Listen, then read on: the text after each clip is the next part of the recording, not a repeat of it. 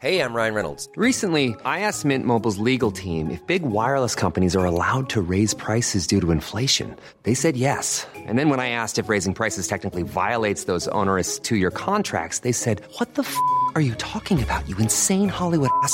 F- So to recap, we're cutting the price of Mint Unlimited from $30 a month to just $15 a month. Give it a try at mintmobile.com slash switch. $45 upfront for three months plus taxes and fees. Promo rate for new customers for limited time. Unlimited more than 40 gigabytes per month. Slows. Full terms at mintmobile.com.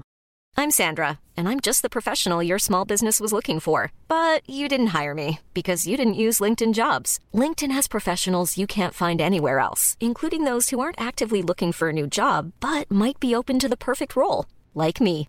In a given month, over 70% of LinkedIn users don't visit other leading job sites. So if you're not looking on LinkedIn, you'll miss out on great candidates like Sandra. Start hiring professionals like a professional. Post your free job on linkedin.com/people slash people today.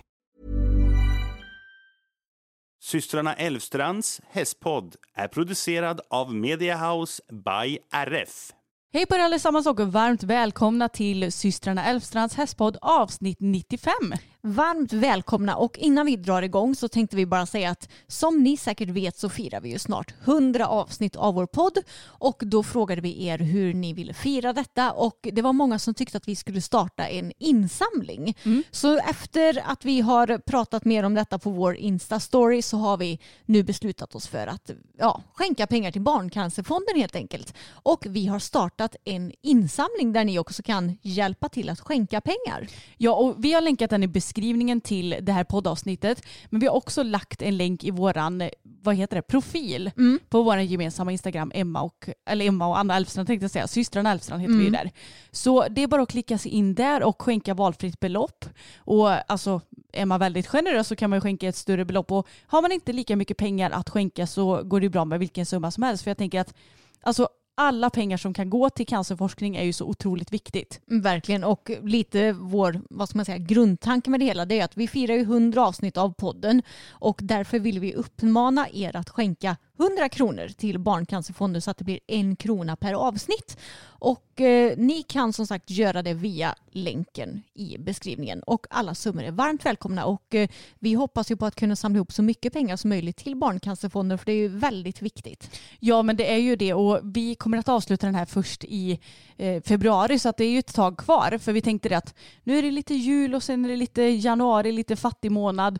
Så vi låter det sträcka sig över några månader nu så att folk har chansen att skänka pengar under en lite längre period. Precis, men Anna hur är läget med dig idag? Jo men jag är lite seg faktiskt. Jo. Samuel har ju varit förkyld i en vecka nu och jag har varit så här gött, jag har inte blivit smittad, jag har kunnat åka och tävla, jag har varit pigg och glad och så vaknade jag upp idag och bara uh, känner mig lite seg. Jag är inte sjuk skulle jag inte säga men det känns som att något lurar i kroppen. Något lurar lite. Ja, så det är lite tråkigt för jag, jag blir lite så här, alltså snälla någon, snälla kroppen. Blir det fjärde gången i år jag är sjuk i så fall eller? Ja, det återstår att se. Ja men jag menar att det blir ju den fjärde gången om jag nu lyckas bli sjuk, om Jo. det bryter ut något. Ja, och det var det jag menade med det jag sa. Jaha, ja. Ja, ni hör Anna, hon är lite trög idag eftersom hon är så trött. Hon är inte, hon är inte på lika gott humör som hon brukar vara heller kan jag avslöja. Nej, jag, ja, men jag är så bitter. Som jag sagt, det här året har ju bara varit rövigt överlag. Och då är det så här, det är klart som fan att jag ska bli sjuk igen, kanske. Och jag blir bara så trött, så trött, så trött. Men eh, vi siktar mot ett nytt år. Nu är det ju faktiskt snart nytt år. Ja, vi hoppas på att 2022 blir lite mer vårt år kanske. Ja, nytt år och nya tag. Nytt år, nya möjligheter. Klyschornas systrar är här. ja, verkligen usch. Men Ja. hur mår du då? Jo men med mig är det ändå ganska bra skulle jag säga. Jag har ju fortfarande lite problem med mina ljumskar och höfter vilket ju är jättelämpligt när man ska försöka sig på det här med att sitta ner i traven. och även kunna använda benen då. Det är ju det som är det svåra. Jag kan väl nu alltså sitta ner okej i traven men att använda benen funktionellt, alltså det går inte jättebra. Det är ju synd att Bella inte är lika automatisk i dressyren som hon är på hoppningen då enligt pappa. Ja, ja, exakt. Det är ju lite synd för man behöver ju ändå använda sina ben på henne. Men det går ändå bättre för, för bara ett par veckor sedan så kunde jag ju typ inte sitta ner överhuvudtaget. Jag kunde sitta ner utan stigbyglar men när jag hade i fötterna i stigbyglarna så att det ändå blir någon sorts vinkel i benet så gick det inte. Men som tur är så ska jag till naprapaten imorgon och eh, hoppas på att han ska kunna göra mig fit for fight till tävlingen i helgen. Ja, jag är lite avis. Jag skulle också behöva åka dit men jag Ja. får väl eh, boka en tid om en om ett par veckor eller nästa vecka. Jag känner att det känns inte riktigt schysst att åka dit om jag känner mig lite seg. Det är dumt att ta risken känner Ja. jag. Och eh, som jag nämnde så ska jag ju tävla i helgen. Ja, Mm. Och det blir årets sista tävling, KM i dressyr, som går i lätt B1 och jag är riktigt laddad. Jag känner mig dessutom helt frisk och liksom känner mig väldigt fräsch i kroppen och pigg och glad förutom då mina höfter. Men eh, jag tror och hoppas på att jag kommer känna mig ännu bättre till helgen och eh, jag har tränat på nu med Bella och hon känns ganska bra. Inte riktigt så bra som hon kändes för några veckor sedan kanske, men ändå ja, men helt okej skulle jag säga. Och det är klart att hon kan ju inte heller prestera 100% om inte jag kan göra det. nej så är det ju. Och det är ju kanske lite typiskt oss ryttare att vi blir så här, ja hon känns inte helt hundra. Nej men hur, hur är jag just nu egentligen? Ja. Har jag kunnat rida igenom henne ordentligt? Det, det är ju ändå klokt av dig att du kan se det på det viset. Ja precis, så jag känner ändå, alltså jag känner mig ganska självsäker till den här tävlingen även om det känns långt ifrån 100% bra. Vad skönt. Ja, det är skönt. Och jag menar det är ju bara en att B1 vi ska rida. Vi har ridit den förut så nu har jag lite koll kanske på hur jag behöver rida programmet och jag vet om att det är bara ett kort program. Du får rida lätt i längningarna så, så det känns ändå eh, alltså ås, åstadkombart skulle jag säga. Men det var ett jävla hittepåord. Nu kom du på ett nytt ord. Överkomligt. Ja precis. Ja. vad fasen. Men vad känner du, alltså om vi tar, nu ska du rida lätt B1. Mm. Vad känner du kommer vara det som är svårast och vad är det som ni kommer ha enklast för tror du? Ja, men om jag jämför lite med det passet som jag red idag, för idag är det måndag och tävlingen är nu på söndag, då kändes hon egentligen ganska bra. Hon var lite bakom skänken men jag tror ju också att det beror på mig själv och att jag inte, alltså jag, det är säkert någonting med min sitt som kanske stör henne lite grann, att jag blir lite spänd och eh, att jag som sagt inte kan använda mina ben som vanligt. Men det största problemet är att hon vill glida lite inåt nu och trycka sig inåt och speciellt i högervolten när man ska göra den här 10 meters volten i trav i höger varv. Ja. Det är inte så att du sitter lite mer åt höger då? Ja, jag vet inte, jag sitter säkert lite skevt på något vis. Ja. Eh, Så det är väl det. Men, men hon är ju rolig för hon vill ju glida inåt i högervolten. Vänstervolten går bra. Men sen när jag ska göra hörnpasseringar så gör hon dem bättre i högervarv än i vänstervarv. Hon bara, jag eh, jämnar ut det här lite. Ja, exakt. Och sen är ju också det svåra kanske ja, men galoppfattningar nu när inte min höft beter sig som den ska för att då blir det svårare när man ska liksom öppna upp höften och få till det där bra i fattningarna. Så det är väl galoppfattningarna och sen också det som vi hade problem med förra tävlingen, diagonalen i galopp och att hålla just det. igång galoppen hela vägen och samtidigt Alltså det är svårt för jag kan ju hålla igång galoppen hela vägen men då blir det ju nästan lite slängtrav när hon bryter av. Så jag skulle behöva få, få henne att verkligen galoppera i mellangalopp och sen samla sig lite innan. Men jag tror att om jag försöker få henne att samla sig innan så kommer hon kanske bryta av tidigare i så fall. Ja det är ju det som är så svårt och hon kanske inte riktigt har förstått hela den grejen än. För Nej. menar, det är ju sånt som kommer med lite mer rutin och som kanske är lite enklare om du rider lätt A3 säg. Där, där du rider från första till näst sista bokstaven. Det blir ju lite längre galoppsträcka och då hinner du också få upp galoppen lite mer och samla ihop galoppen lite mer. Så jag tror att du får nog försöka att köra på och så att det Ja. blir lite slängtrav. Snarare hellre det Ja. än att du bryter av för tidigt. Ja men exakt och jag tror att grejen med Bella är att hon är ju, även om jag upplever det som att det är slängtrav så ser det inte ut som Nej. det. För hon är ju av, automatiskt tänkte jag säga men hon är ju ganska så ihop i, krop, i kroppen och hon är ju inte världens längsta häst heller. Nej. Utan jag tror att känslan kommer ju alltid vara värre än vad det ser ut. Jo men så är det ju och, och du behöver ju aldrig oroa dig heller om hon nu skulle vara lite bakom skänkel någon gång sådär för att hon ser ju energisk ut. Hon Jo. är ju energisk i sina steg. Mm, precis. Men vad kommer ni ha lätt för då? Resten? ja, vad kommer vi ha lätt för? Alltså det är så svårt att säga för det varierar lite från dag till dag och överlag har hon ju en bra grundstabilitet.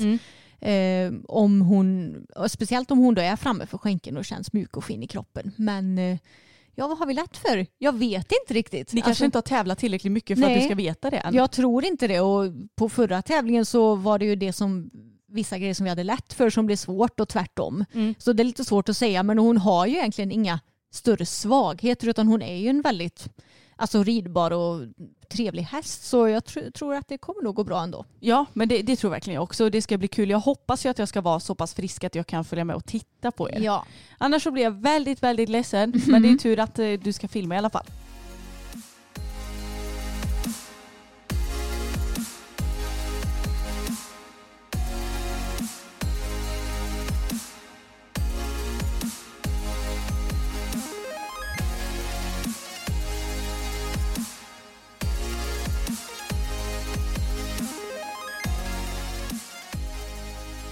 Ja men när vi ändå är inne i tävlingssvängen så kan vi ju lika gärna snacka lite om min tävling som var i helgen. Det kan vi göra. Och jag och Fokus vi åkte iväg till Borås och jag har ju varit där tidigare men inte och tävlat själv. Nej, inte jag heller, vilket är ganska konstigt för vi har ju tävlat i många år nu och Borås ligger ändå bara typ en timme från oss. Ja så att jag menar det är ju inte långt bort och det är en fin tävlingsplats. Så att jag vet inte riktigt varför vi inte har kommit dit men eh, nu var det så dags i alla fall.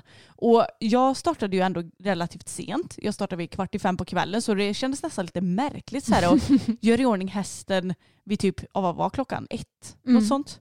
Och så här, ja nu ska vi åka på tävling. Det känns lite märkligt. Jag är ju nästan van vid att så här, snarare gå upp väldigt tidigt på morgonen och åka iväg. Men det var mysigt i alla fall och han var väldigt lugn den här tävlingen. Ja. Han var ju väldigt skakig när han skulle till Grevagården förra veckan. Och eh, var så här, åh, lite nervös och darrig och så. Man var faktiskt mycket lugnare den här gången. Mm, väldigt skönt och dessutom så gick, gick lastningen jättebra här hemma. Ja, alltså så skönt. Jag, jag tror att jag verkligen insett vad jag måste göra för att när vi skulle till Grevagården dag två då blev jag nog lite för ivrig och bara "Ah, ja men lastningen gick ju så himla bra igår. Så då är det väl bara för dem att gå på då. Jag blir lite för enkelriktad i mitt tänk. Men jag har insett ändå att fokus han behöver så här att man försöker få honom att gå på transporten och så kanske han nästan är helt inne. Då ska jag backa ut honom innan han väljer att gå ut själv. Och så går vi bort bara en liten bit, pausar en liten stund och sen försöker igen för då går han ju på. Och nu tog det kanske två minuter att få på honom. Ja, alltså så här enkelt har det inte gått att få på honom på jättelänge tänkte jag säga. Nej. Inte sen vi skaffade den nya transporten. Nej men precis, så att det kändes väldigt väldigt skönt att eh, det gick så himla enkelt. Mm. Så bara det var ju lite vinst i sig kände jag. Men sen så kom vi iväg till Borås och vi sadlade upp honom och vi kollade ju lite först på själva klassen. Och det som är så skönt i Borås det är att de har ju för det första tre ridhus och alla är tydligen isolerade. Skönt för dem. Ja, väldigt skönt. Så att när jag skulle rida fram, jag bara, men gud jag får ju typ ta med jackan på en gång här för att Ja. jag är så varm. Red fram och först så kändes han så stökig. Han var så här huvudet överallt och ingenstans och han lyssnade typ inte på mig och han ville inte riktigt eh, forma sig runt innersken. Alltså han var överallt och ingenstans rent ut sagt. Men sen så efter mycket övergångar så kom han lite mer ihop sig och blev mycket, mycket bättre. Och sen så kände jag bara, nu är han så fin, nu vill jag egentligen in på banan. Då hade jag ju typ så här tio minuter, en kvart kvar till start. Ja. Jag bara, fasen också. Men Mm. ja, det är ju vad det är. Så jag, jag skrittade honom en ganska så lång stund och sen innan jag skulle in på banan så satte jag igång med lite övergångar igen för att väcka upp honom lite grann. Och jag tror att han, jag tror inte han blev trött, men jag tror tyvärr att vi kom lite på andra sidan om toppen. Mm. Och det är det här som är det så himla svårt med dressyr. För att du kan ju känna sig att ena tävlingen så är han på topp efter 30 minuter. En tävling kanske tar 50 minuter. En tävling kanske tar 20 minuter. Alltså det, vi har ju inte riktigt hittat det där perfekta receptet än känner jag. Nej, det har ju inte jag gjort med Bella heller. Nej. För jag tror man behöver tävla ganska mycket för att hitta det perfekta receptet för just din häst. Jag tror det också. Och jag tänker att Fokus, han är ju eh, alltså han är ju sån nätthäst i typen, eller man ska säga. Så jag tror att för hans del så är det nog en fördel att inte rida fram för länge. Nej men precis, men sen så beror det ju lite på vad mentala status är. För ibland så kan ju hjärnan behöva mer framridning än vad kroppen behöver också. Ja men samtidigt den här gången så var han ju lite som du sa överallt och ingenstans och var kanske inte där mentalt från början men han hamnade ändå där ganska så snabbt. Ja, jo men så är det ju. Så att jag får försöka att hitta den där perfekta längden på framridningen. För att vi skrittar ju alltid fram för hand. Så att det behöver jag inte känna mig stressad över utan det är ju typ bara att börja trava på en gång om jag så vill. Men eh, han var i alla fall jätteduktig på framridningen och sen så red vi in på banan och grejen att jag hade räknat lite extra framridning eller framridningstid den här gången för att det stod att de skulle ha collecting ring. Men sen så hade de ju typ inte det ändå. Nej. Och då var jag så här, då tänker inte jag gå in i ridhuset för tidigt och rida runt på en liten 10 meters volt bara för att. Men det var också därför jag räknade med lite extra tid. Mm. För att då får man ju räkna med fram, alltså att det typ inte blir någon framridningstid där. Ja. Så det blev vad det blev. Eh, Men i alla fall så red vi in på banan. Och det första han blir så blir han så himla himla rädd för att de hade nämligen dressyrstaketet runt omkring så här. Och det var egentligen ingen tittig bana. Men så hade de valt att ställa upp sådana här alltså hinderifyllnader Mm. på båda långsidorna för att man inte skulle kunna rida upp till domaren. Vem nu som hade valt att göra det, det vet jag inte. Men. Så de var ju skitläskiga enligt Fokus. Jag tror inte han fattade varför de stod där. Nej, det tror inte jag heller och det är så kul om man jämför med ja det blir förra helgen när vi Mm. var på Grevagården. Och då stod det ju liksom stora granar och sådär i hörnerna men det var ju inga konstigheter. Nej. Men nu när det står två grindar precis vid banan så blir han nog lite misstänksam kanske. Vad tusan gör de där? Ja, så det tog en bra stund innan vi vågade oss förbi dem där i båda varven. Men då kunde jag ändå reda ut det hyfsat bra tycker jag. Så hela programmet kändes ändå helt okej. men han var lite ofokuserad och framförallt så kändes det som att han inte riktigt släppte de där jäkla grindarna. Nej, man såg på honom att han var inte alls lika lösgjord som han var, ja, men speciellt första dagen på Grevagården. Och överlag var ju formen, tycker jag, lite längre och eh, sämre än vad den var på Grevagården. Ja, och ändå så tyckte jag ju att, alltså herregud, det är ju väldigt bra lägstanivå vi har just nu. Ja, Men det var lite tråkigt. Jag blev lite besviken först när jag red ut från banan. Alltså jag har ju så, som, eh, vad ska man säga, eh, alltså rutin. Att oavsett hur bra jag personligen tycker att det gått eller inte så får ju han lika mycket klappar ändå. Och jag kanske får lite mer om jag är ännu mer nöjd. Men han får ju alltid mycket klappar när vi har ridit klart ett program. Men jag kände det, ah, jag hade velat lite mer än så här egentligen. ja. Och jag vet ju att han kan så att det var lite så här, lite surt att den spänningen kom. Men sen när jag väl hade smält det hela lite grann så känner jag bara fan vad vi, vad vi ändå kan ganska bra trots att det här är vår lägsta nivå. ja, så det får man ändå se, se på det nu. För nu var det ju väldigt länge sedan som man blev helt jäkla, vad ska man säga, Apatisk. Ja, apatisk på tävlingsbanan och superduper spänd. Nu när han har den här lägsta nivån så blir han spänd så att det sätter spänningar i kroppen och att det påverkar eran, ja, men det allmänna intrycket eller man ska säga och hur ni kan genomföra varje rörelse. Men att han ändå är så mycket mer stabil mot vad han var förut. Ja, och han är inte alls så där superseg utan han är ju ändå energisk och jag känner att han lyssnar ganska så bra på mig även om man kan lyssna ännu lite bättre när han väl är avspänd. Men det är ju ett enormt kliv framåt, det får man inte glömma av.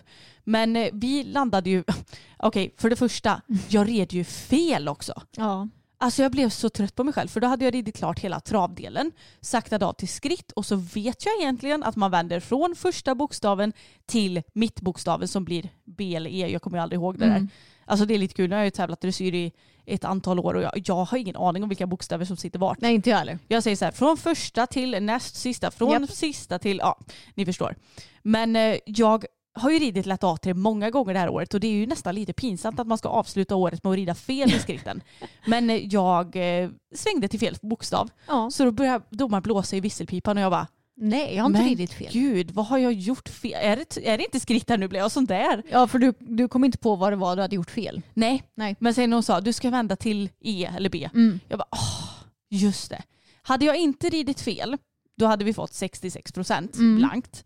Men nu hamnar det på 65 och 4 va? Ja, det är ändå ganska mycket som försvinner på två poäng Ja. får man säga. Jag blir helt chockad. Jag med. Två poäng är ju ja, över en halv procent då. Ja. Det kanske beror på vilket program man rider fel på. Jo, eller ja, Det borde- jo, det, jo det är klart det gör för Ja. alla poäng har ju olika program. Ja. Men i lätt A3 så var det ju över en halv procent. Ja. Så ja, kom ihåg det allihopa att eh, träna in programmet ordentligt så att ni inte rider fel för det är kostsamt. Men alltså jag, jag kommer inte ihåg när jag red fel sist. Nej. Det är väldigt länge sedan. Ja, jag, jag tror typ det var tio år sedan som jag red fel sist. Ja. Men jag vet att det har ju skett ett par gånger genom åren. Och det roliga är att ja, men både som dig nu, du har ju ridit, du sa där, alltså det är inte okej att rida fel Nej, i men ett jag blev program så jä- ridit hela året. Jag blev så sur på mig själv. Mm. Alltså det minsta jag kan göra är ju för fan att rida rätt väg. Ja, det är, ju- det är ju verkligen sant. Men också varje gång som jag har ridit fel, då vet jag om att jag har liksom ridit fel, fast jag har ju varit stensäker i mitt eget huvud på att det har varit rätt. Ja. Trots att jag har ridit det här programmet på ett annorlunda och rätt sätt då, tidigare gånger. Ja. Och sen när domaren har blåst har jag varit så här,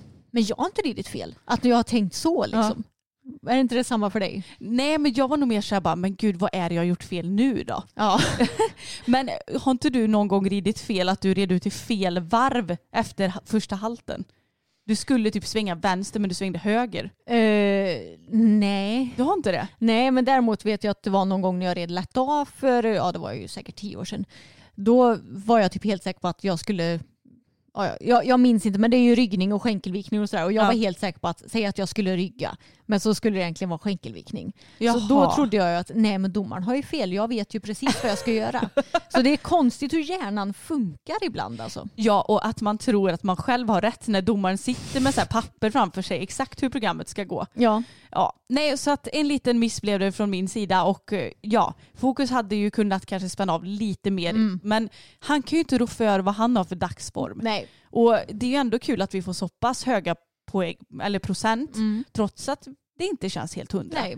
Er lägsta nivå för ett halvår sedan var ju 57 procent i samma klass. Ja, eller 58 eller vad det var, jag Ja. kommer inte ihåg exakt. Nej, något sånt, men det är ju betydligt mindre i alla fall. Mm, verkligen. Och domaren skrev dessutom att jag satt fint. Det Mm. tyckte jag var skönt för att jag har ju lite eh, jag har lite dåligt självförtroende när det kommer till min sits ibland. Ibland så känner jag så här, nej men jag sitter okej och ibland så bara, nej men gud jag sitter så dåligt. Mm. Det, jag tror att det är ganska vanligt i dressyr för att det känns ju lite som att allas glasögon är riktade mot en när man rider dressyr. Ja, och sen så kan jag bli så avundsjuk på vissa personer som har de här naturligt perfekta sitsarna. Och Ja. att det känns som att de typ inte behöver göra någonting för att sitta perfekt. Sen Vilket så, de kanske behöver. Precis, de gör, kanske gör det. Men sen så, du och jag, våra kroppar är inte direkt byggda heller för, för det här med dressyr. Så vi får ju säkert kämpa lite extra när det kommer till allting för att kunna ja, få till det bättre med nedsittning i traven och att kunna sitta lodrätt och allt vad det nu är. Ja, med jo, våra- men så är det ju. Alla har ju olika förutsättningar.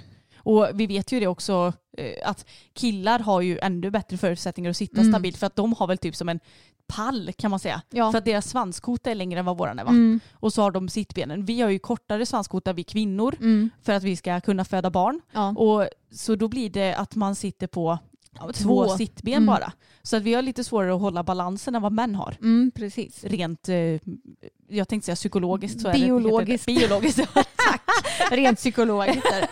Exakt. Men jag, på tal om det här med felridning så minns jag när du red fel med Tage för några år sedan i Essunga när du skulle rida lätt. Ja just det. Och eh, vänta här nu. Jo, då var, nej, var det nya lätt B då eller var det gamla? Jo det var nya lätt B för då i lätt B så rider man upp halt hälsning Mm. och så ska man vänstervarv och så ska man rida mellantrav snett igenom och sen så ska man till nästa långsida och rida volt, Mm. vända över ridbanan volt. Och då när jag hade ridit upp så var jag så säker på att nu är det en volt och så kände jag hur Tage bara jajamän nu är det mellantrav och jag bara nej nej Tage nu är det volt och så blåste domaren Ja. och jag bara fasen. Jag skulle lyssnat på Tage. Ja för då hade jag ju blivit lika placerad med det och boppen dessutom. Ja. Så kan det gå när man rider fel hörni. Mm. Inte lärde jag mig mitt misstag. Nej. Nej, herregud, man kan ju inte rå för att man rider fel ibland. Nej, alla rider fel. Även de största kan ju rida fel också när de tävlar Grand Prix. Ja, ja, alltså man kan få ett riktigt hjärnsläpp, så Mm. är det ju.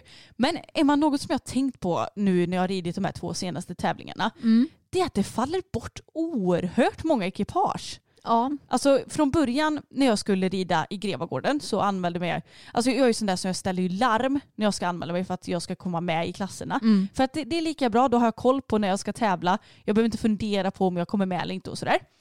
Och så tittade jag på mina klasser och bara oj just det, för att då tog de in 18 stycken för att se båda dagarna i Grevagården. Och jag bara men gud det är ju typ så här ja, men 25 stycken som stod i kö på, nej inte som stod i kö men som var anmälda till C så det var ju ett gäng reserver och sådär. Nej men sen när tävlingsdagen kommer då är vi bara sju stycken som ska rida. ja, det är ju sjukt. Ja, och det var samma nu i Borås så var det väl från början 30 ekipage som skulle rida lätt ben och lätt Dan. De hade Mm. väl max ek- 30 ekipage den dagen. Men sen så slutade det väl med att vi bara var 15 stycken som startade. Ja, jäklar. Och det är, jag, jag vet inte, det är ju flera faktorer som antagligen spelar in. Folk kan ju bli sjuka, hästar kan bli halta, eh, folk kanske inte vågar åka på grund av dåligt väglag nu när det är vinter. Mm. Men jag blir ändå fundersam över hur det kan falla bort så många ekipage. Ja, alltså nu har ju vi varit ute och åkt och det har ju inte varit dåligt väglag tycker Nej. jag. Men eh, många är väl säkert nojiga över det för det känns som att så fort det kommer snö och kyla så blir folk att de vill stryka sig. Ja men alltså jag, jag tycker verkligen man ska ta det säkra för det osäkra. Mm. Eh, Så att jag, jag säger inte att det är fel men jag tycker bara att det är så konstigt att så många personer stryker sig. Ja, det känns inte som att det är lika många på sommarhalvåret som gör det. Nej och det känns inte heller som att det är lika många i hoppning av någon anledning. Nej, nej, det har du rätt i. Gud, nu var det för länge sedan som jag tävlade hoppning på annat än klubbnivå. Men eh, Nej, det tycker jag faktiskt att du har rätt i också. Ja, och det känns också som att så här, ja men då har man kollat startlistan när det vankas hopptävling så kanske det är så här 50 stycken som startar, nej då är det snarare att det tillkommer snarare än att det faller Ja. bort. I dressyr så kan det ju inte tillkomma för att man sätter ju sina fasta starttider såklart. Men eh, nej, det var bara en liten reflektion över att det verkar som att det är många som stryker sig för tillfället. Och vet du vad jag har reflekterat över nu när du har varit och tävlat de här två helgerna? Nej, Det är att det är ganska många som har hörlurar på framridningen och har sina tränare med sig. ja, Och eh, det, alltså, jag förstår inte hur Svenska Ridsportförbundet kan tillåta att det är så. För, ja, men nu, är det eh, åsiktsmaskinen Emma som är igång, men jag tycker det är helt sjukt. Alltså på riktigt, för det är en stor säkerhetsrisk anser jag. Du ska oftast trängas ganska många i ett litet ridhus och då anser jag att du bör visa respekt för dina medtävlande och inte ha några hörlurar i öronen för man ska kunna kommunicera med varandra. Vilket är extra viktigt för mig som har en häst som sparkas. Det är jätte, jätteofta på framridningen som jag ropar till exempel kommer på utsidan, kommer på insidan, kommer till höger, kommer bakom dig. Alltså så folk ska veta vart jag är någonstans och jag vill ju jättegärna att folk ska kunna säga det till mig också så att jag har koll på vart andra är. Men det går ju inte om folk har i hörlurar i öronen för då hör de ju inte vad man säger. nej och visst var det så när jag red medelsvårklassen förra helgen så var det väl två stycken som hade det samtidigt va? Ja, det var det. Mm. Nej men jag håller faktiskt med dig att det är lite konstigt att man får lov att ha det så. För att som du säger, det, det är väldigt viktigt för kommunikationen. Och nu vet inte jag om de har i en lur eller inte men samtidigt så blir det att du blir väldigt fokuserad på vad tränaren säger i lurarna. Och kanske inte lika fokuserad på vad som sker runt omkring då. Nej, alltså jag är övertygad om att oavsett om du har en eller två hörlurar i så kommer du inte höra omgivningen. För att som sagt du är så fokuserad på, eh, det blir liksom en envägskommunikation mellan dig och hörluren. Ja. Så att du inte hör de andra. Så eh, jag tycker det är jättekonstigt att det är tillåtet att vara så på framridningar. Ja, lite faktiskt. Och Det- jag skulle nog aldrig vilja ha det själv för att jag kan bli lite så här, jag vill gärna ha inputs men då är det ju snarare så att jag bara, Emma kan du kolla på en skänkelvikning? Emma kan du kolla på en, alltså lite så, du brukar ju säga bara, ah, det var fint, alltså du kan ju typ säga sådana grejer. Ja, Men eh, det är inte så att, ah, nu är inte du min tränare, men eh, ah, jag, jag vet inte riktigt, jag tycker att det är lite knepigt. ja och jag ty- tycker lite också att framridningen är ingen jävla träningsplats. Nej faktiskt. Alltså det du, du ska liksom kunna rida på en framridning utan att ha tränare i lurarna och det, det ska inte vara ett träningspass på framridningen utan det ska vara en uppvärmning och det ska du klara av att göra själv. Tycker, tycker jag alltså. Ja och man ser ju inte det fenomenet på hopp, hopptävlingar. hopptävlingar. Nej, det, Så- det hade blivit väldigt farligt om folk hade ridit runt med hörlurar inne på framhoppningen. Ja, sen så står det ju ofta eh, alltså folk i mitten och bara megalopp i svängen, du, men hellre det då. Ja men alltså man kan ju absolut ta med sig sin tränare på tävling men då får ju den titta på när du rider fram och sen medan du pausar kanske så att du inte är i vägen och inte stör de andra då kan den ju komma med sina inputs. Precis, och när eh, jag red fram i, nu i helgen så frågade jag ju dig bara, ja men vad tror du, ska jag ta en skrittpaus och så kan vi köra igång? Alltså man kan ju bolla såklart, men ja, jag håller faktiskt med dig att det är lite konstigt att det tillåts att hålla nästan träningar på framridningarna. Ja exakt och det kanske är extra vanligt i lätt A, de tidiga medelsvårklassen också känns det som. För då kanske det ändå är ryttare som inte är så himla vana vid att rida högre klasser i dressyr som kanske tränar mycket för tränare och känner sig bundna, eller man ska säga att träna för tränare. Ja. Så att de hela tiden måste ha deras feedback för att annars kanske de tappar självförtroendet. Typ. Ja, jag vet inte. Jag har ju inte varit ute på så mycket högre klasser. Nej. Men eh, jag har ju varit med Miranda på meeting på lite så större tävlingar eller större klasser och då upplevde jag nog det inte som att folk hade hörlurar i faktiskt. Och det känns inte som att de har det i lätt C, lätt B heller tycker jag. Nej. Det är ju de klasserna som jag har, ja nu har jag ju typ inte ridit någon dressyr de senaste åren men jag kan inte minnas att någon har haft i hörlurar i alla fall. Nej, men jag vet att vi har pratat lite om liknande grejer i podden tidigare om folk som inte i princip kan klara sig själva någon gång utan har med sig sin tränare på tävlingar och eh, tränar för sin tränare väldigt många gånger i veckan och sådär. Vilket är en jättemöjlighet men samtidigt så tror jag att det kan skälpa också. Ja. För att du måste ju våga lita på dig själv. Mm. Du kan ju inte ha din tränare i lurarna på tävlingsbanan. Jag menar om, du, om det händer någon situation där då måste du ju reda ut den där och då. Ja. Oavsett om det kommer till hoppning och dressyr. Så um, alltså man måste ju våga lita på sin egen förmåga också. Mm. Och det är lite så här, lite läskigt. Alltså jag kan ju känna det ibland så här. Ibland vet inte jag riktigt om jag gör rätt. Men det är ju också det man får Lära sig Ja, och komma underfund med att Mm. ja, okej, men den här framridningen blev lite för lång. Jag kanske inte ska göra så många skänkelvikningar utan mer fokusera på det här. Alltså det är ju sånt man får lära sig. Mm, Det är, det är inte någon som har något färdigt recept och det tänker jag att det borde ju inte en tränare ha heller även om den kanske har lite mer erfarenhet av olika hästar. Mm, precis. Nej, så det är någonting som jag verkligen har reflekterat över nu det senaste och som jag verkligen tycker att Ridsportförbundet borde ta tag i. Eftersom det uppenbarligen, alltså tekniken utvecklas ju hela tiden och det blir ju vanligare och vanligare att rida med hörlurar i för Ja. tränare. Och då måste man ju också anpassa den här nya tekniken till tävlingarna och sätta nya regler för det. Ja men alltså det roliga är att när vi skulle träna för en dressyrtränare typ första gången så hade vi sån lur att sätta i örat och jag var så här, jag vill inte ha det. Jag, jag tyckte nästan det kändes obehagligt att ha det även om vi var hemma själva i vår paddock. För att jag blir så här, jag tycker man blir så avskärmad och att man kanske inte koncentrerar sig riktigt på vad som händer runt omkring då. Nej. Så ja, jag vet inte. Vi får väl se om det blir någon regel om det framöver eller om det bara är vi som reflekterat över detta. Jag tror faktiskt inte att det bara är vi. Nej, det är nog fler inte. än oss som stör sig på det. Ja men samtidigt kan vi inte sitta här och störa oss på det utan att nämna någonting om det. Då får man ju kanske skicka in något litet mail till Svenska Ridsportförbundet. Ja, de kanske redan har tänkt på det, vem vet? Kanske.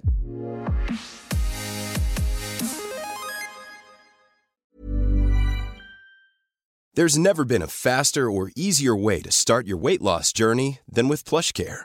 PlushCare accepts most insurance plans and gives you online access to board-certified physicians who can prescribe FDA-approved weight loss medications like Wigovi and Zepbound for those who qualify. Take charge of your health and speak with a board-certified physician about a weight loss plan that's right for you. Get started today at plushcare.com slash weight loss. That's plushcare.com slash weight loss. plushcare.com slash weight loss. Since 2013, Bombas has donated over 100 million socks, underwear, and t-shirts to those facing homelessness. If we counted those on air, this ad would last over 1,157 days. But if we counted the time it takes to make a donation possible, it would take just a few clicks. Because every time you make a purchase, Bombas donates an item to someone who needs it. Go to bombas.com slash ACAST and use code ACAST for 20% off your first purchase. That's bombas.com slash ACAST, code ACAST. Men något som också har hänt den här veckan som varit är ju att Guldpodden korade sina vinnare. Och vi vann årets podd! Nej jag skojar, det gjorde vi absolut inte. Men vi var ju nominerade i årets podd. Den vann vi ju verkligen inte. Nej. Vem var det som vann årets podd? Eh, jag tror det var Rebecca Stella och Vanessa. Ja det var det kanske Mm. ja. Men vi var ju också nominerade i, nu ska vi se, hobby och fritid va? Ja. Och där vann Creepypodden. Mm. Och den är ju väldigt stor så det är inte så konstigt att den vann. Men vi hamnade på en tredje plats där. Ja, och det var ju ändå många poddar som var nominerade i alla kategorier. Ja. Så det är ju skitbra. Ja och sen så var det också, vad heter den, sport och Frit. Nej, sport, och idrott. Ja, alltså jag blandar alltid ihop de här. Eh, sport och idrott och där hamnar vi på en fjärde plats med bara Mm. några få röster till tredjeplatsen. Yes. Så det var väldigt häftigt och det var ju någon fotbollspodd som vann där. va? Ja, det var fotbollspoddar topp tre. Ja. Alltså det finns fan många fotbollspoddar verkar det som och de är ju väldigt stora också. Ja, och som vi nämnde i någon YouTube-video som vi spelade in, alltså det känns som att man behöver ju kanske inte lyssna på fotbollspodd bara man är en fotbollsnörd utan det kan ju nästan vem som helst lyssna på Mm. som har lite intresse. Man behöver inte spela det själv. Nej, exakt. Det, är ju så många, det finns ju så många mer som supportar fotbollen än som supportar ridsporten. Ja. Ridsportens supportrar sysslar ju med sporten själv för det mesta. Ja men lite så. Så vi vill bara säga ett jättetack till alla er som har röstat. Det känns ju väldigt häftigt att vi ens eh, kom på någon form av eh, topp fem-lista. Ja, verkligen. Och eh, för övrigt, jag har en liten uppdatering. Var det i förra avsnittet som vi pratade om hur man uttalar ryttarnamn? Ja det var det tror jag. Mm. Och vi sa ju tydligen fel då. För Va? vi pratade om Ben Mayer. Som, Ja. vi, som vi säger och så sa vi att i Stockholm så sa kommentatorn Ben Mayer ha ha ha. Ja men nu visar det sig att hans namn uttalas Mayer. Det är bara alla svenska journalister och eh, kommentatorer som uttalar det fel och säger Mayer. Skämtar du med mig? Nej, vi fick en kommentar på Instagram ifrån en tjej som hade kollat med sin kille som är engelsk. Och han sa att man uttalade mayor.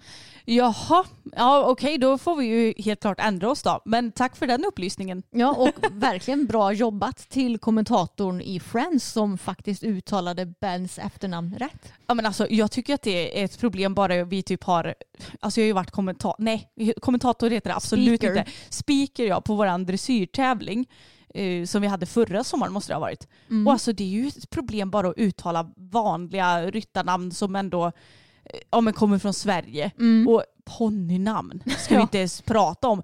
Men att sitta där och vara kommentator eller speaker på Friends när det är olika utländska namn som inte har någon aning om. Man borde ju typ fråga så här, hörru Ben, Ja. hur uttalar man ditt namn? Mm. Och det är samma med Ioli, Mykkeleppelu. Myttelineo. Ja. Ja, precis. Alltså, jag, jag hade sagt fel på alla tror jag. men varför gör man inte det egentligen Ja. innan? Man borde så här, ha en eh, fonetisk skrift kring alla ryttarnamn och hästnamn. Ja just det ja. Mm, fast det hade man kanske inte förstått ändå. Man kanske får skicka med sån här, du vet som när man googlar typ ett ord. kan man Ja. trycka på play. Ja just det ja. En sån röst, mayor. ja, en röstnotis till alla Precis. ryttare.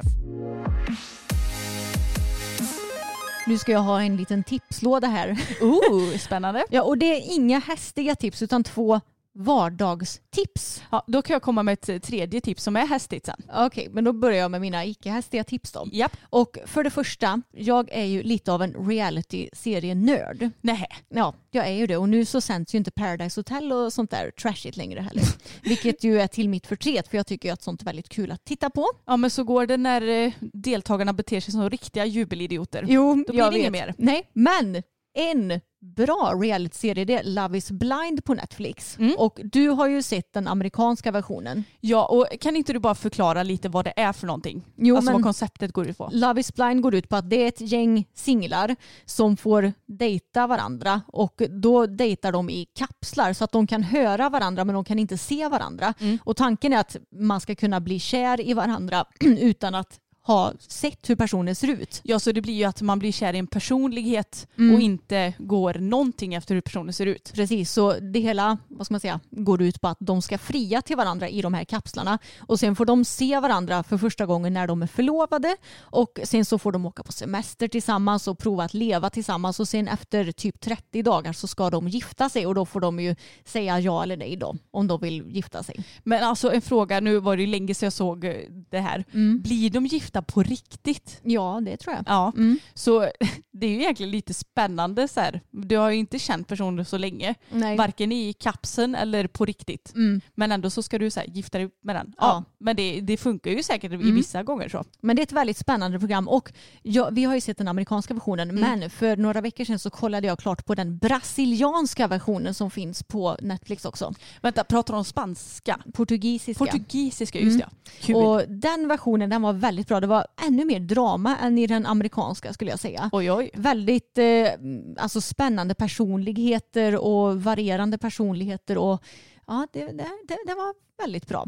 Det, det kanske jag ska kolla på nu då. Ja men det får du göra. Mm. Det är en väldigt rolig serie tycker jag. Ja, men jag tycker också det, nu, har jag ju, nu var det ju länge sedan jag såg den, men den känns ändå ganska lättsam. Det är ganska städat ändå. Ja, precis. Och det som är bra när man tittar på ett annat språk än svenska och engelska det är att du måste ju verkligen hänga med, alltså titta.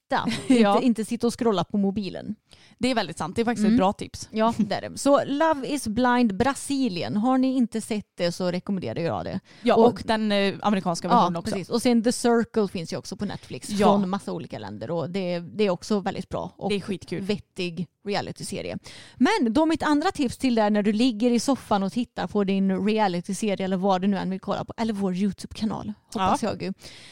Det är köp en gua sha-sten och eh, klena in ditt ansikte med, ja i mitt fall då kokosolja gör jag. Mm. Och sen masserar jag mitt ansikte och även hals med gua sha-stenen.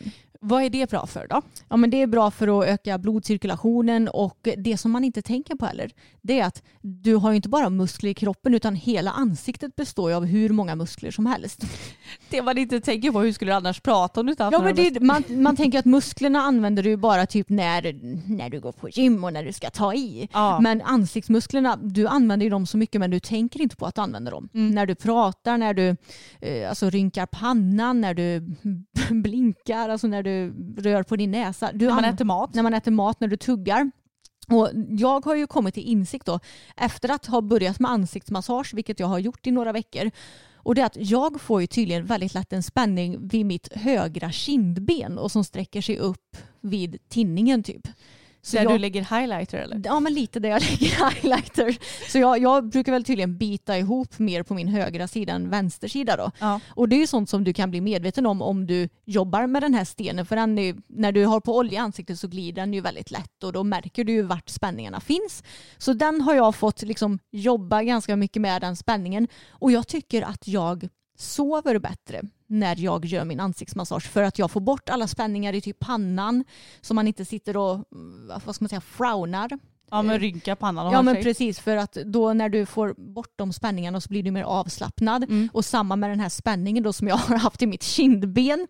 När jag har fått bort den så har jag också lättare kunnat somna och eh, ja, alltså du kan bli av med överflödig vätska om du har det i ansiktet och sådär också. Mm. Så det är bra för, på väldigt många olika sätt. Arbetar in hudvården bättre också. Ja men en fråga då, Tar du, gör du din hudvård innan du tar på det här? Mm, det gör ja, jag. det gör du. Ja, jag är ju lite av en hudvårdsnörd så jag har ju både syra och serum och eh, kräm innan jag tar på oljan då. Mm. Alltså kokosoljan och kör med stenen. Ja, så då sköljer du inte av utan du låter det vara över natten? Ja, alltså väldigt trevlig kvällsrutin och så mysigt att ligga där i soffan och ha på någonting på tvn och så sitter man och jobbar lite med den här stenen. Ja, jag får kanske köpa mig en sån för att jag Mm. tror att jag säkert har massa spänningar. Jag är ju sån som pratar ganska mycket med mina ögonbryn. Jo men det gör de jag viftar också. ju loss. Gör de. Men ska, är du klar med Ja, dina jag är tips? klar med mina tips. För då kan jag gå över till mitt lilla hästtips då. Och det är ju nu när det är vinter ute och hästar kanske inte har, man kanske inte har hunnit få på snösulor. Det fick ju vi igår tack och lov. Ja. Så det känns lite skönt för innan så har hästarna fått sådana snöstyltor. Och om man har fått sådana här snöstyltor så tänker man att ja, men det är väl bara att ta en liten hovkrats och kratsa bort. Men nej, det är inte så lätt för att de där sitter ju som berget. Då tar man sig en liten hammare och så slår man bort snöklumpen. Det är mitt bästa tips. Mm. Och då får man ju såklart inte ta i för mycket så att man råkar slå till något annat. Och så får man gärna slå där man har tänkt att kratsa. Så inte slå mot strålen eller så utan slå ja, men i själva sulan på hästen. Mm. Det är skitbra för då krossas snön lite grann så kan man kratsa bort den sen. Ja, väldigt effektivt. Men hallå, på tal om det här med hovar som vi snackar om lite nu. Jag kom ju på för Ja, det var väl ett par veckor sedan att du fick ju för dig en period att du skulle bli hovslagare. Ja. För du sa det, jag var ju med Ralf som vår hovslagare heter eh, en hel dag för att jag hade praktik med honom. Jag bara, Va? när hade du det och varför? och du bara, jag skulle ha det innan jag sökte till hovslagarskolan. Alltså du måste ju berätta om din inom stationstecken hovslagarkarriär Anna. Ja, mitt eh, infall som varade extremt kort tid. Nej, men det var så här. Jag, det var ju innan vi fick för oss att vi skulle börja designa ridleggings och innan vi kunde leva på våra sociala medier. Så var jag så här. Jag var så uttråkad på mitt jobb och så visste jag inte vad jag skulle utbilda mig till och jag visste inte riktigt vad jag skulle söka för andra jobb. Och så kom jag på att det hade varit så kul att jobba med hästar. Men så är vi lite sådana, vi vill inte jobba med hästar på kanske det mest klassiska viset utan då tänkte jag, men hovslagare då? Alltså det, det är ju ändå, jag, jag tänker att de borde ändå tjäna hyfsat med pengar. Mm. Så då tänkte jag att då ska jag söka till, vad heter det, Bys? Bys. Ja, i Skara. Och söka på hovslagarskolan och gå den utbildningen. Ja, det gick ju inte så långt. Jag, jag åkte med Ralf då. Mm. För jag för mig att det var så att man var tvungen att ha lite praktik innan man sökte ens en gång. Mm. För att man antagligen ska veta vad det innebär lite så. Ja. Men alltså jag bara, men gud, alltså jag, min kropp kommer bli helt paj. Mm. Och då tränade vi ju ingenting heller. Nej. Så då var ju inte jag särskilt stark och Mm. det var ju massa så fysiska tester man skulle klara av. Och då blev jag så här, men gud då måste jag börja träna också. Och det tyckte ju inte jag var så kul då. Det var typ under vår mest ohälsosamma tid någonsin också. Ja, ja, ja. ja Alltså- alltså, jag, var, jag måste varit typ 20 eller något. Nej, låt mig säga så, så att vi var ute och festade varje helg Mm. under den här perioden och eh, åt ju inte direkt bra mat och sådär heller och rörde ju inte på oss mer än när vi motionerade tag och boppen då. Nej alltså herregud vi var ute så mycket och Mm. det var inte så bra kanske så att det var så här, det, det, var- jag var nog inte så motiverad egentligen. Jag ville bara ha en lösning på att jag inte ville vara kvar på det jobbet jag var på. Mm. Men det slutade ju med att jag struntade i det. Ja, Som du kanske förstår. för du skickade inte ens in din ansökan. Nej. Nej. Jag, bara, jag kommer inte klara de där fystesterna ändå. Nej, men alltså du har ju haft lite identitetskriser tänkte jag säga. För du har ju dels du har ju gått en, vad var det, egenföretagarkurs och entreprenörskurs på högskolan Ja men jag hade ju ingenting att göra Nej. efter att jag slutade gymnasiet. Mm. Alltså det är, det är kanske inte sånt som man tänker på så mycket men när man har gått klart gymnasiet då ska man ju antingen ha något jobb eller så ska man ha någon utbildning att gå till. Mm. Det är inte socialt accepterat att bara ligga hemma i mammas och pappas soffa och äta godis typ. Vill jag bara påpeka. Vilket du gärna hade velat göra istället. Ja, ja, ja. ja, ja. Nej så jag började på den men jag gjorde inte ens klart den. Alltså jag, men det var ju också så här, jag läser den här utbildningen, jag blir ingenting. Mm. Då blir jag så himla omotiverad. Jo, du är ju ingen studiemänniska. Nej men hade det varit så att eh, ja men nu ska jag plugga till lärare och verkligen vill det, då hade det inte varit några konstigheter. Mhm. Men det här gjorde jag ju bara för att ha något att göra i princip. Jo. För att jag visste inte vad jag annars skulle göra. Nej. Nej usch. Jag är så glad att de tiderna är förbi. Ja, det blev inget med hovslagarlivet och jag vet att ville inte Ralf att du skulle typ eh, ta av någon sko eller han ville att du skulle göra någonting rent praktiskt och du vågade väl inte ens göra det? Nej nej, jag, jag tänkte jag kommer ju bryta av hoven på hästen eller något. Alltså nej herregud, tänk våra kroppar som hovslagare. Nej, Alltså, nej tack. De hovslagarna jag känner de är ju helt slu- alltså förstörda i sina kroppar som typ så här 35-åringar. Så tänk då oss. Ja nej det hade inte varit så bra. Så jag, jag känner att det var skönt att jag inte gick vidare med den grejen. Jo, det löste ju sig som tur var ändå.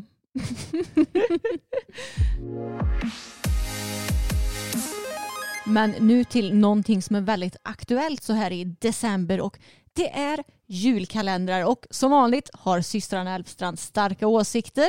Alltså vilka vore vi om vi inte hade våra åsikter som vi delar med oss av? Va? Ja och vad hade det varit för podd att lyssna på annars? Bara, ja vi tycker allt är bra. Ja, allt är guld och gröna skogar. Ja, nej men när vi var små då hade vi ju julkalendrar. Mm. Och det var sådana här för 10 spänn med choklad i. Mm. Och chokladen den smakar ärligt talat inte så jäkla gott men man blir ju glad för den där chokladbiten varje morgon ändå.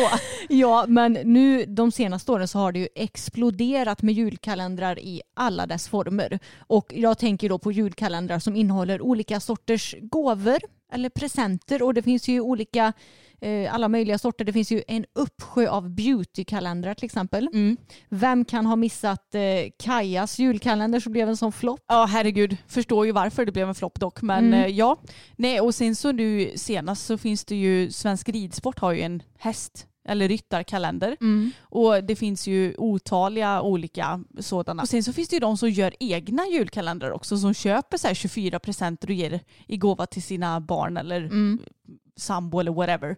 Så att det finns ju otaliga sådana. Ja, men alltså jag har ju ändå ganska starka åsikter om ja, men de här kalendrarna som vi, som vi pratade om nu på slutet. Alltså eh, där du får olika gåvor där du inte har någon aning om vad det är i kalendern. Ja. Och eh, ja, men kan vi inte ta Kajas eh, kalender som exempel? För där var det ju så att eh, det var olika beauty-influencers som la upp på YouTube och visade vad som var i de här kalendrarna. Och då visade det sig att Kajas kunder var jättemissnöjda med det och eh, det var jättemånga som reklamerade sina kalendrar. Så nu har ju de alltså tillverkat hur många kalendrar som helst som eh, inte kommer komma till användning. Ja. Och det som, jag kan, alltså det som jag tycker är dåligt med sådana här julkalendrar när du inte vet vad de innehåller det är ju att du kommer ju med största sannolikhet köpa någonting där du kanske bara använder hälften av grejerna som du får. Om ens det. Ja, om ens det. Och eh, dessutom när det ska vara sådana här små förpackningar av allting också och det blir eh, extra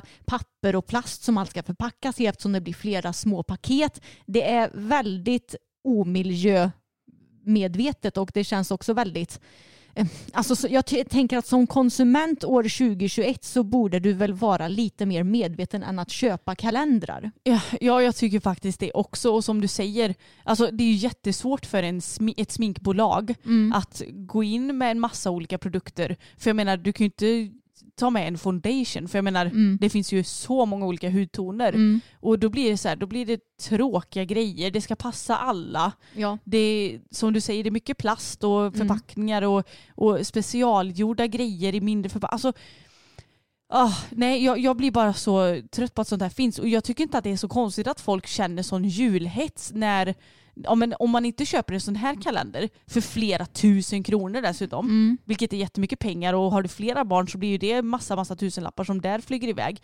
Ja men då ska du kanske fixa en egen julkalender till ditt barn. Då ska du köpa 24 stycken presenter Ja. plus vanliga julklappar. Det skenar också iväg i både kostnader och tid. Och sen så är det allt annat runt omkring. Ja. Så jag kan väl säga, jag tycker att det går lite åt fel håll. Julen handlar ju inte om att man ska ge en massa, massa, massa gåvor. Nej, och inte att du ska få massa saker heller. Nej. Jag känner att nu med åren så har jag blivit en mycket mer medveten konsument och om jag köper någonting då ska det vara någonting som jag antingen verkligen behöver eller som jag verkligen vill ha. Och eh, som på Black Friday till exempel, ja jag shoppade mycket då men det var typ smink, hud, hudvård, hårvård, alltså sånt som jag ändå hade behövt köpa om säg två månader. Ja. Och sånt som jag vet att jag verkligen behöver. Men en julkalender där du som sagt du har ingen aning om vad som finns i den här kalendern. Om du nu inte har tittat på eh, någon YouTube-video där du vet vad som finns i dem då. Alltså spoilat. Ja, alltså då kan jag ändå köpa det att ja, men jag har sett Margareta Gräs video och den här kalendern ifrån Kicks var så bra. Så den köper jag den för då, då var det grejer som jag verkligen ville ha. Men annars att köpa någonting där du inte vet vad som finns i tycker jag känns väldigt omedvetet och jag tycker också det känns, alltså det är ju på ett sätt modernt för det här med julkalendrar är ju skitmodernt. Men om man ska se rent hållbarhetsmässigt så är det ju väldigt omodernt av företag att tillverka julkalendrar också. Ja, det känns väldigt mossigt. Mm. Och eh, som du säger att jag, jag, alltså jag förstår ju att överraskningsmomentet är hela grejen. Ja. Jag, tycker ju, jag är ju sån där som tycker att det är ganska kul att få presenter för att så här, jag tycker att det är roligt att se vad man får för någonting. Sen så kan jag bli lika glad för en sminksvamp som en ny hjälm. Alltså jag, jag är inte den som bara vill bara ha dyra och flashiga grejer. Nej. Men nej, jag vet inte vart jag vill komma med detta. Jag tycker bara att det är så, det känns mossigt. Vi är inget fan av julkalendrar helt enkelt. Nej, verkligen inte. Och alltså, nu vill inte jag vara den som är så himla tråkig, men nu har jag ju sett Svensk Ridsport så här, sex stycken första luckor och det känns också väldigt så här, tråkiga grejer som jag aldrig hade velat lägga pengar på annars. Nej, precis. Nej, det känner jag med. Du har väl, vänta, vad är det för datum idag när vi spelar in den sjätte? sjätte. Av sex luckor så kanske det är två grejer som jag hade uppskattat att få. Ja, och det, det är ju säkert ofta så det är oavsett Mm. om det är någon hästkalender eller om det är, någon eh, sminkkalender eller hudvårdskalender. Det är ju säkert många grejer som du inte vill ha. Nej. Och då kanske det blir att du ger bort den. Ja men tänk om inte du uppskattar det om jag ger bort det till dig som inte jag vill ha. Ja, Vad kommer du göra med det? Ja kanske slänga skiten ja då. exakt. Nej, det blir så himla mycket onödig konsumtion som ändå bara kommer slängas eller inte användas. Ja, kommer läggas på ett hörn och damma.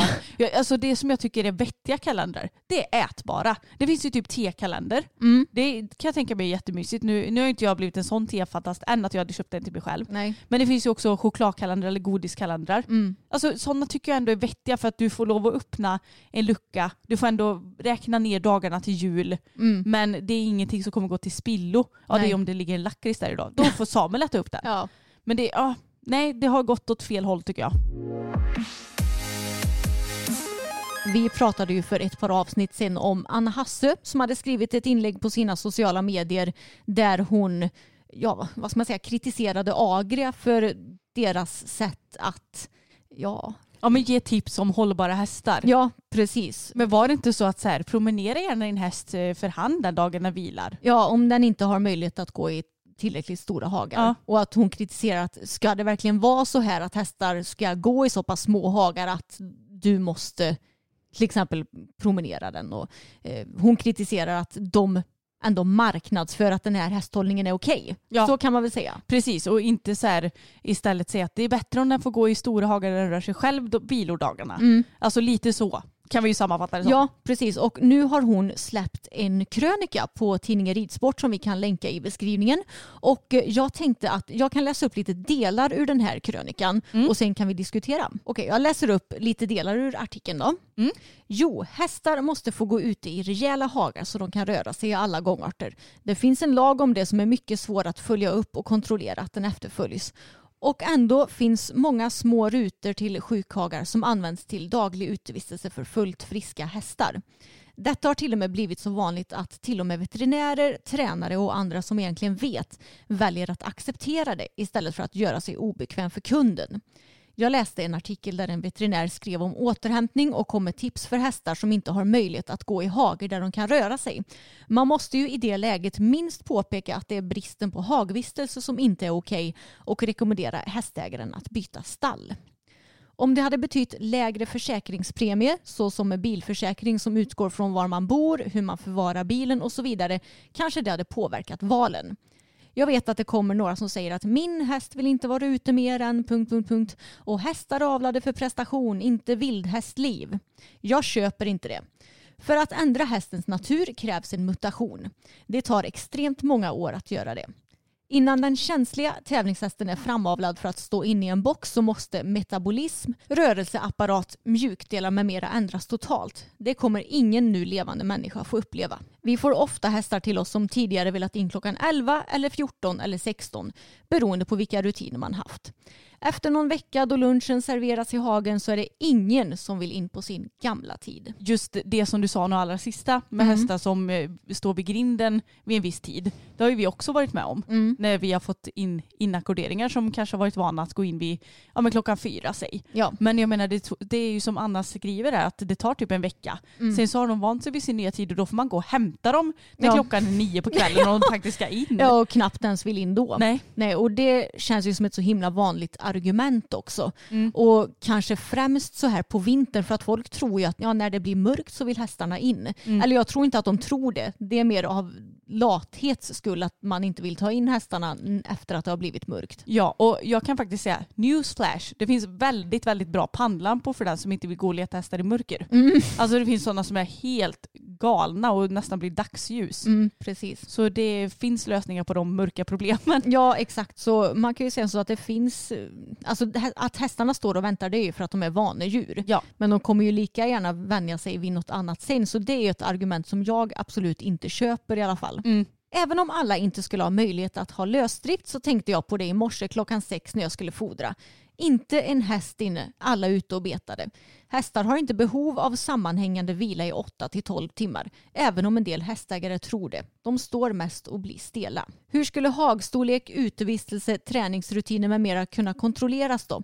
Det borde inte vara så svårt för någon duktig uppfinnare att skapa en app som registrerar när, var och hur. Så frågan blir till försäkringsbolagen. Är det dags att titta på hästhållning och rutiner när försäkringar tecknas? Så alla som skapar ett hållbart liv för sin häst premieras och ju mindre hagar desto högre premie och max 60 procent av ridningen på böjda spår. Ja, som jag nämnt tidigare så tycker jag att det är väldigt intressant att Anna tar upp det här för det är ingenting som jag själv har riktigt reflekterat över. Men eh, jag håller med i mycket det hon skriver alltså. Mm, precis, och det du inte har reflekterat över det är ju hästhållning kopplat till försäkringar. Exakt. Mm, precis, för det andra det har vi ju verkligen reflekterat Ja, över ja. och pratat om så många gånger tidigare i den här podden. Men eh, alltså jag tycker att det är en skitbra idé, men det är ju bara det här tekniska som man ska kunna lösa då, för det finns ju ingen teknisk lösning på det idag. Nej, och som Anna säger att det borde inte vara så svårt. Nej, det borde det ju inte. Men jag menar om man själv ska säga registrera att ja, men nu, nu går min häst ut och nu går min häst in och den har si och så stor hage. Ja, men då måste ju folk kontrollera det också. Mm, precis, och jag tänker att alltså, jag, jag ser kanske ett par olika lösningar på det hela. Du kan ju, alltså det här med att registrera din ridning, det kan du ändå enkelt göra via appar. Mm. Så att du kan registrera, eh, ja men det finns ju Equilab till exempel, där ser du hur mycket du svänger och hur du rider. Man kan ju registrera även runder som du rider så att man ser om du har ridit i skogen eller om du har ridit på bana. Mm. Så själva ridbiten är ju ändå ganska så enkel.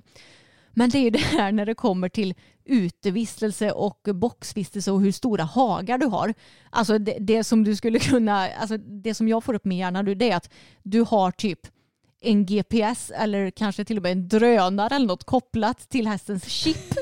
så att du ser exakt var hästen är. Och jag menar det är ju inte lagligt. Nej Du, det är det ju inte. du får inte hålla på och filma hur som helst. Nej, Liksom. precis. Man kan ju inte ha någon enorm övervakningskamera över hela Sverige och bara ja nu ser den där Kartago han går där i sin stora hage. Exakt. Men där ser jag, aha, är Fokus skadad? Går han i en liten grusruta för tillfället? Är Ja. han skadad eller är det så han brukar gå? Ja, exakt. Mm. Nej, så det är väl det lite kluriga. Och sen tänker jag att om vi ska införa det här då kommer det väl innebära att det behövs mer personal på försäkringsbolagen. Och det i sin tur borde väl betyda att det blir ännu mer kostnader för hästägarna eftersom de måste få betalt också. Ja men exakt och då, då kommer det ju kanske inte bli så att för oss som ändå har en naturlig hästhållning att det kommer bli billigare utan det kanske snarare blir dyrare då för att vi, det behöver gå till personalkostnader också. Ja men typ. Så jag tycker att det är en jättebra idé men jag tror att någon väldigt smart person får väl försöka ta tag i det här och Hitta lösningen. Ja, och hitta lösningen. För jag har den garanterat inte så här på rak arm. Nej inte jag heller. Jag, jag känner att jag sitter här som en, det känns som att mitt huvud är en fågelholk. Jag har ingen bra lösning. jag vet. Men en väldigt intressant artikel i alla fall och eh, Anna har ju som vanligt rätt när det kommer till hästhållning och träning av hästar. Ja, och som vi pratat om när det kommer till mycket så tror jag att det är viktigt att det sprids där. Alltså bara att det pratas om det tror jag kan öppna upp någon människas syn på hur den håller häst. Mm. Och för oss allihopa som håller på med hästar, man behöver ju alltid fundera vad kan jag göra för min häst som kanske kan utveckla alltså, dens livsstil ännu mer. Ja, spelar, man kan ju aldrig nöja sig. Nej, exakt. Och jag tyckte att det var intressant det som hon skrev ganska så mycket i början av krönikan. Att eh, veterinärer borde kanske säga att, åt hästägare att ja, men du kanske borde flytta din häst till ett ställe där det finns större hagar. Ja. Jag tror att många kanske tänker att ja, men jag gör det absolut bästa för min häst men jag vägrar att flytta hästen till ett ställe som kanske gör det lite mindre bekvämt för mig men bättre för hästen. Mm. Alltså att de kanske vill stå på en anläggning där det finns skrittband och ridhus och paddock och allt vad det nu är men kanske bara jättesmå hagar där de får gå ensamma. Men de kan inte tänka sig att skita i det där skrittbandet och ridhuset och flytta till ett ställe där det kanske bara finns paddock men stora hagar där hästarna kan gå i flock. Precis, så är det ju. Och det kanske är så att det är det lyxiga stallet med skrittband så kanske tre stycken hästar delar på en liten hage Mm. och de får gå i så pass för att det inte finns tillräckligt många hagar. Mm. Så är det ju i många stora stall idag. Mm. Ja men då har vi köttat på i vanlig ordning. Det är så här jag brukar säga. Ja, men- jag sitter här med Siri i knät också. Ja, det ser så himla mysigt ut. Alltså herregud vilka åsiktsmaskiner vi har varit idag för övrigt eller? Ja men det, ibland känns det som att man, ja men ibland så diskuterar vi ju ganska mycket. Mm. Ibland så har det hänt mycket saker som man bara mer berättar allmänt om livet. Ja. Ibland är vi lite mer mjuka. men jag tror det hade varit en ganska tråkig podd om inte vi hade haft åsikter. Alltså, Jo. vi är ju alltid öppna för att folk inte har samma åsikter som oss. Mm. Alltså folk får ju tycka vad de vill. Mm. Men det här är ju vår podd och då vore det ju konstigt om vi bara men alla får tycka som de vill. Alltså att vi skulle försvara oss efter varje sak. Jag tycker ju det är mycket roligare att höra på folk som pratar om de har en åsikt om någonting. Sen så behöver ju inte den åsikten stämma in med det som jag själv tycker. Nej och man behöver inte bli provocerad bara för att man inte tycker samma sak. Nej, exakt. Alltså tycker du som lyssnar att grusruta och och skrittband är det bästa för din häst får väl du tycka det. Ja. Även om vi inte håller med. Men det är ju det är så det är. Precis. Men nu ska jag sluta klappa Siri och jag ska börja klippa den här podden tänker jag så att den kan komma upp lagom imorgon när ni ska lyssna på detta. Mm. Vi tackar återigen för att ni lyssnar på vår podd. Vi är så glada att ni vill hänga med oss och våra hästar i vårt liv. Och ni får ha det världsbäst så hörs vi igen om en vecka. Det gör vi. Hej då!